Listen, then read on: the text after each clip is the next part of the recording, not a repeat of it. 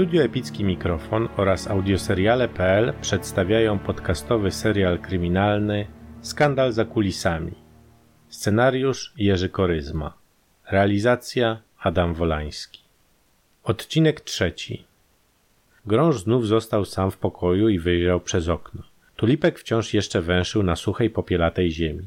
No i co? krzyknął Grąż. Wywiadowca podszedł do okna i wydobył z kieszeni zawiązaną w węzełek chusteczkę. Leżał w niej lśniący niklowy rewolwer.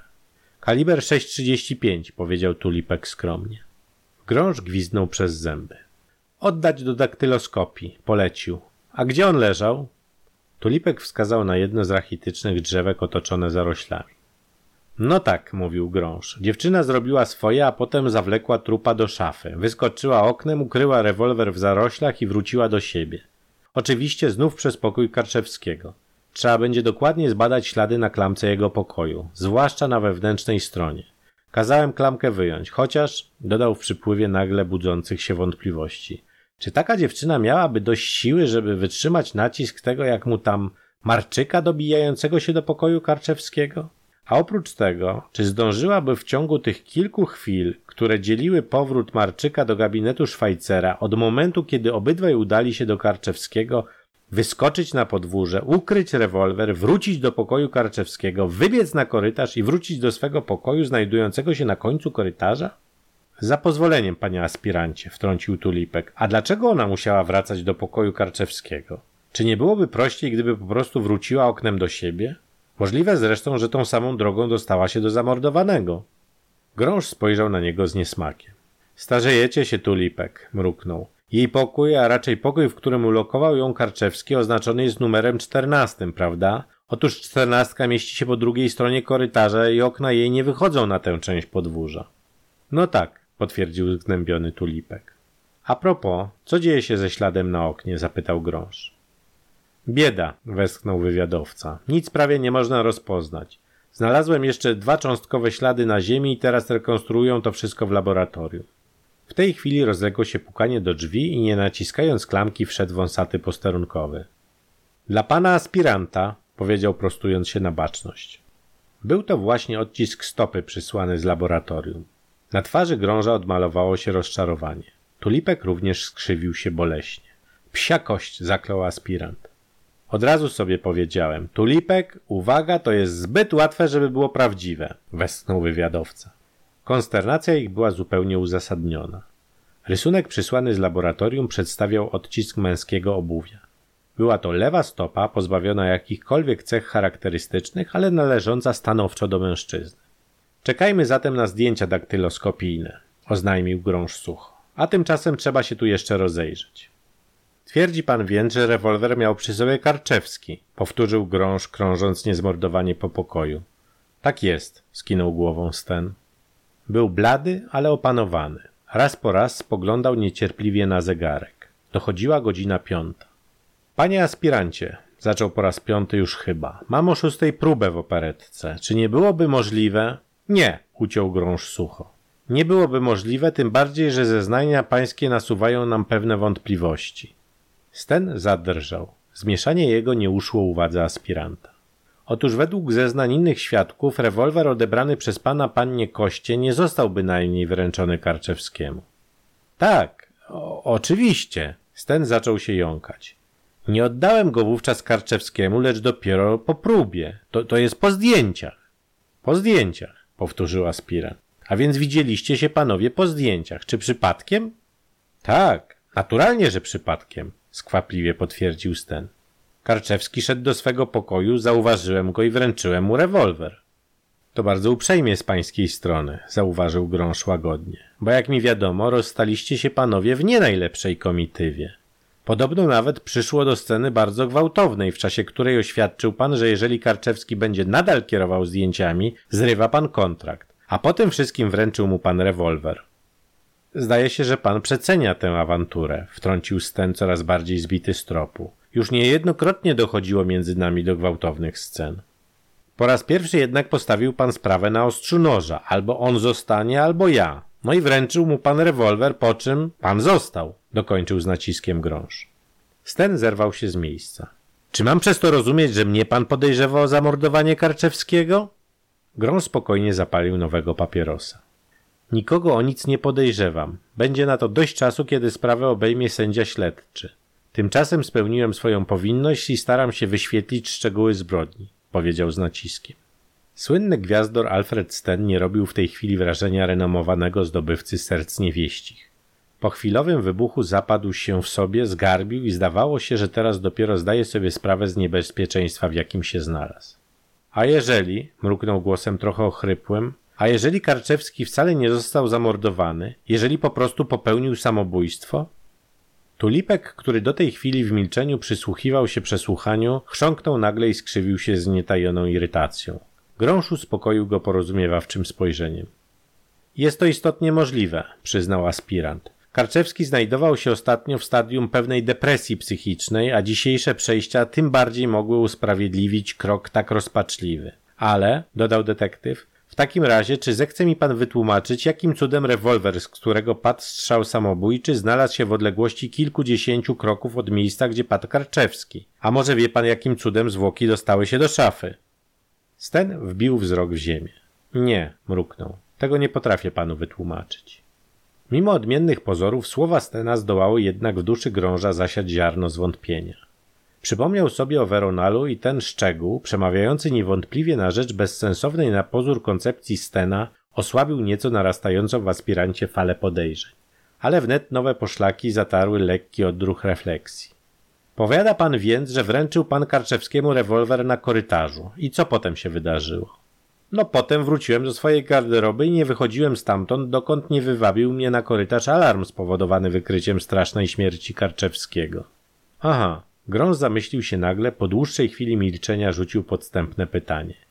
A więc nie wchodził pan wcale do pokoju zamordowanego? Nie, odrzekł Sten. I jeszcze jedno, kontynuował detektyw. Pragnąłbym wiedzieć, dlaczego właściwie wręczył pan jemu rewolwer odebrany od kogo innego. Czy jest pan zdania, że broń stanowi własność osoby, przeciwko której jest kierowana? Panna Kosta mierzyła do Karczewskiego. Odebrał pan jej rewolwer i wręczył go właśnie Karczewskiemu. W jakim celu? Czy po to, żeby mógł się zemścić na niedoszłej morderczyni? To pytanie najwidoczniej zbiło Stena z tropu. Yy, przyznaję, wyjąkał, że był to krok głupi i bezsensowny. Wiedziałem wprawdzie o stosunkach łączących Karczewskiego z Kostą, ale to nie usprawiedliwiało jeszcze mego postępku. Szczerze mówiąc, chciałem po prostu dokuczyć Karczewskiemu i upokorzyć go raz jeszcze, wręczając mu ten rewolwer. A, chciał go pan upokorzyć, powtórzył Grąż i nagle zawołał do Tulipka. Odciski palców pana Stena. Gwiazdor znów pobladł, ale posłusznie przyłożył palce do podsuniętej mu przez wywiadowcę poduszki z tuszem, a potem odcisnął je na białym arkuszu. Lewą rączkę również, oznajmił uprzejmie Tulipek. A potem patrząc na dziesięć odcisków dodał z upodobaniem. Jak babcie kocham, panie aspirancie. Moja stara zemdleje, jak jej powiem, że to paluszki samego pana Stena. A córeczka? Przymknął oczy z zachwytem. Da pan wiarę? Przecież one ganiają na każdy film, w którym pan szanowny bohatera odstawiasz, dodał zwracając się do Stena. Dziękuję, rzekł chłodno gwiazdor i ciężko siadł na krzesło. Potem zapalił papierosa i wpatrzył się bezmyślnie w kąt pokoju. Grąż palił również, wpatrzony niecierpliwie w drzwi, które w miejscu zdjętej klamki przyświecały nagą dziurą. Wreszcie rozległo się pukanie. Przyniesiono odciski znalezione na klamce. A reszta? zapytał Grąż z niezadowoleniem. Będzie za małe dziesięć minut. Aspirant wziął przyniesione zdjęcia i porównał je z odciskami palców Stena. Na jego ustach zaczął się błąkać nieokreślony uśmiech. Sten dygotał gorączkowo na swoim krześle. Tulipek nie spuszczał go z oczu. Panie Sten, rzekł Grąż poważnie. Stwierdzam, że wprowadził nas pan swoimi zeznaniami w błąd. Był pan w pokoju Karczewskiego. Co więcej, przytrzymywał pan klamkę w momencie, kiedy dobijał się tam Marczyk. Przykro mi bardzo, ale zmuszony jestem pana aresztować. Uprzedzam, że może pan odmówić dalszych zeznań i zażądać adwokata. Ślady wyraźnie wskazują na to, że był pan w pokoju Karczewskiego w krytycznej chwili. Sten wstał wolno z krzesła. W oczach jego migotały błędne ogniki. Ja go nie zabiłem! krzyknął.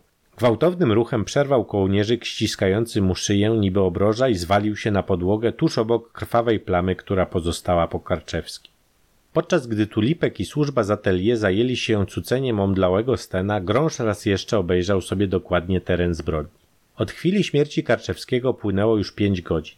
Zamknięci w atelier ludzie zaczęli sarkać, domagając się na jak najszybszego uwolnienia ich. Aspirant zdawał sobie sprawę z tego, że trzeba działać jak najszybciej. Wina scena zdawała się nie ulegać wątpliwości. Grąż przesłuchał kilkanaście osób z zespołu i służby, dowiedział się o szczegółach awantury, jaka miała miejsce w pokoju Bożenckiej, a mały Marczyk powtórzył mu niemal słowo w słowo złowieszczy okrzyk scena skierowany pod adresem Karczewskiego. Mam nadzieję, że da mi pan jeszcze rewanż za wszystko. A jednak, mimo wszystko, na dnie duszy aspiranta czaiła się niepewność. Jak to powiedział Tulipek? Zbyt łatwe, żeby było prawdziwe. Można to było zastosować nie tylko do Anny Kosty, ale i do Alfreda Stena. Nie był to człowiek odznaczający się rozsądkiem i ostatecznie można mu było przypisać tak niezręcznie zaaranżowaną zbrodnię, ale Grąż chlubił się swoją znajomością ludzi, a doświadczenie mówiło mu, że Sten należy do typu patologicznych tchórzy, którzy za nic w świecie nie zaryzykowaliby takiego kroku jak morderstwo.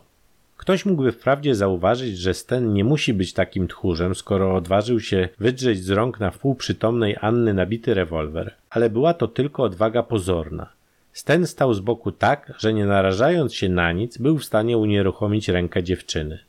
Był jeszcze jeden ciekawy szczegół wymagający sprawdzenia. Co zrobił Karczewski z Anną po nieudanym wystrzale? Otóż poszukiwania wykazały, że Anna była morfinistką i Karczewski, który zdobył od kogoś pewną ilość trucizny, pozwolił dziewczynie zrobić sobie zastrzyk. Potem Anna usnęła spokojna, a Karczewski wrócił do pracy. Wreszcie przyniesiono zdjęcia daktyloskopijne śladów znalezionych na rewolwerze. Najważniejszy był oczywiście cyngiel. Grąż porównał zdjęcia odcisków na cynglu ze zdjęciami palców Stena i zaklął ścicha. Nie były identyczne. A więc jeszcze nie koniec poszukiwań. Morderca wciąż jeszcze nie został odnaleziony. Sten, mimo pozorów, mógł się jeszcze okazać niewinny. Ostatecznie z tego, że stwierdzono jego obecność w pokoju Karczewskiego, nie wynikało jeszcze bynajmniej, że był on mordercą reżysera. Trzeba szukać dalej, pomyślał Grąż. Idąc korytarzem, detektyw natknął się na Marczyka. Mały pomocnik dekoratora aż palił się do rozmowy z aspirantem. Grąż nie opierał się, w nadziei, że zdobędzie jakieś interesujące wiadomości. Pańskim zdaniem kto mógł to zrobić? Zapytał ostrożnie, częstując Marczyka papierosem. Bo ja wiem, mruknął.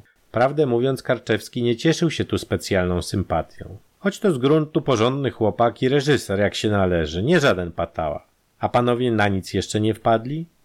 Grąż potrząsnął przecząco głową. Na nic. Boję się, że dochodzenie nie da żadnych konkretnych rezultatów. Ludzie zeznają jakoś niechętnie, jak gdyby coś ukrywali. Wiadomo, potwierdził Marczak zgryźliwie. Taki Sten albo i nie przymierzając Szwajcer cieszą się z tego, co się stało. Sten rozumiem, ale dlaczego Szwajcer? Zaciekawił się Grąż. Różne tam są rzeczy, mruknął Marczyk. Przede wszystkim Karczewski go za wiele kosztował. On nie taki, co robi filmy za grosze. Wszystkiego dopilnował, niczego nie pozwolił odwalić byle jak. Na ten przykład dekoracje. Tu wdał się w uciążliwe i przewlekłe rozważania na temat kunsztu dekoratorskiego i zakończył je stwierdzeniem, że u Karczewskiego wszystko musiało być zrobione na perłowo. Grąż słuchał cierpliwie, nie chcąc zrażać gadatliwego rozmówcy. No a poza tym Bożęcka, rzucił aspirant na chybił trafił. Marczyk spojrzał na niego bez podziwu. To pan i to wie? zapytał z uznaniem. A no tak, Szwajcer był obożencką wściekle zazdrosny, a ona znów bardzo sobie tego reżysera chwaliła. No i dziś na przykład, po tym jak Bożencka zrobiła Stenowi awanturę o to, że wlazł do niej do garderoby, przyszedł tam Karczewski. Sten musiał wyjść, a Karczewski został. Potem przyszedł znów Szwajcer i musiał coś tam brzydko Karczewskiemu powiedzieć, bo ten zaraz wrócił do siebie, a Szwajcer zaczął Bożenckiej wymyślać. Nie słyszał pan, co do niej mówił? zapytał Grąż z napięciem. Nie wszystko, przyznał Marczak skromnie. W każdym razie groził, że jeżeli ona będzie nadal z Karczewskim obcować, wówczas zdarzy się coś takiego, że wszyscy się za głowy wezmą. Strasznie w niej ten stary zadłużony. Zresztą ma swoją rację, dziewczyna paluszki lizać, dodał rozmarzony. Koniec odcinka trzeciego. Ciąg dalszy nastąpi. Premiera kolejnego odcinka już jutro o godzinie 6 rano czasu środkowoeuropejskiego. Jeśli spodobał Ci się ten odcinek serialu, zasubskrybuj nasz podcast i poleć go za pośrednictwem mediów społecznościowych swoim znajomym. Do usłyszenia.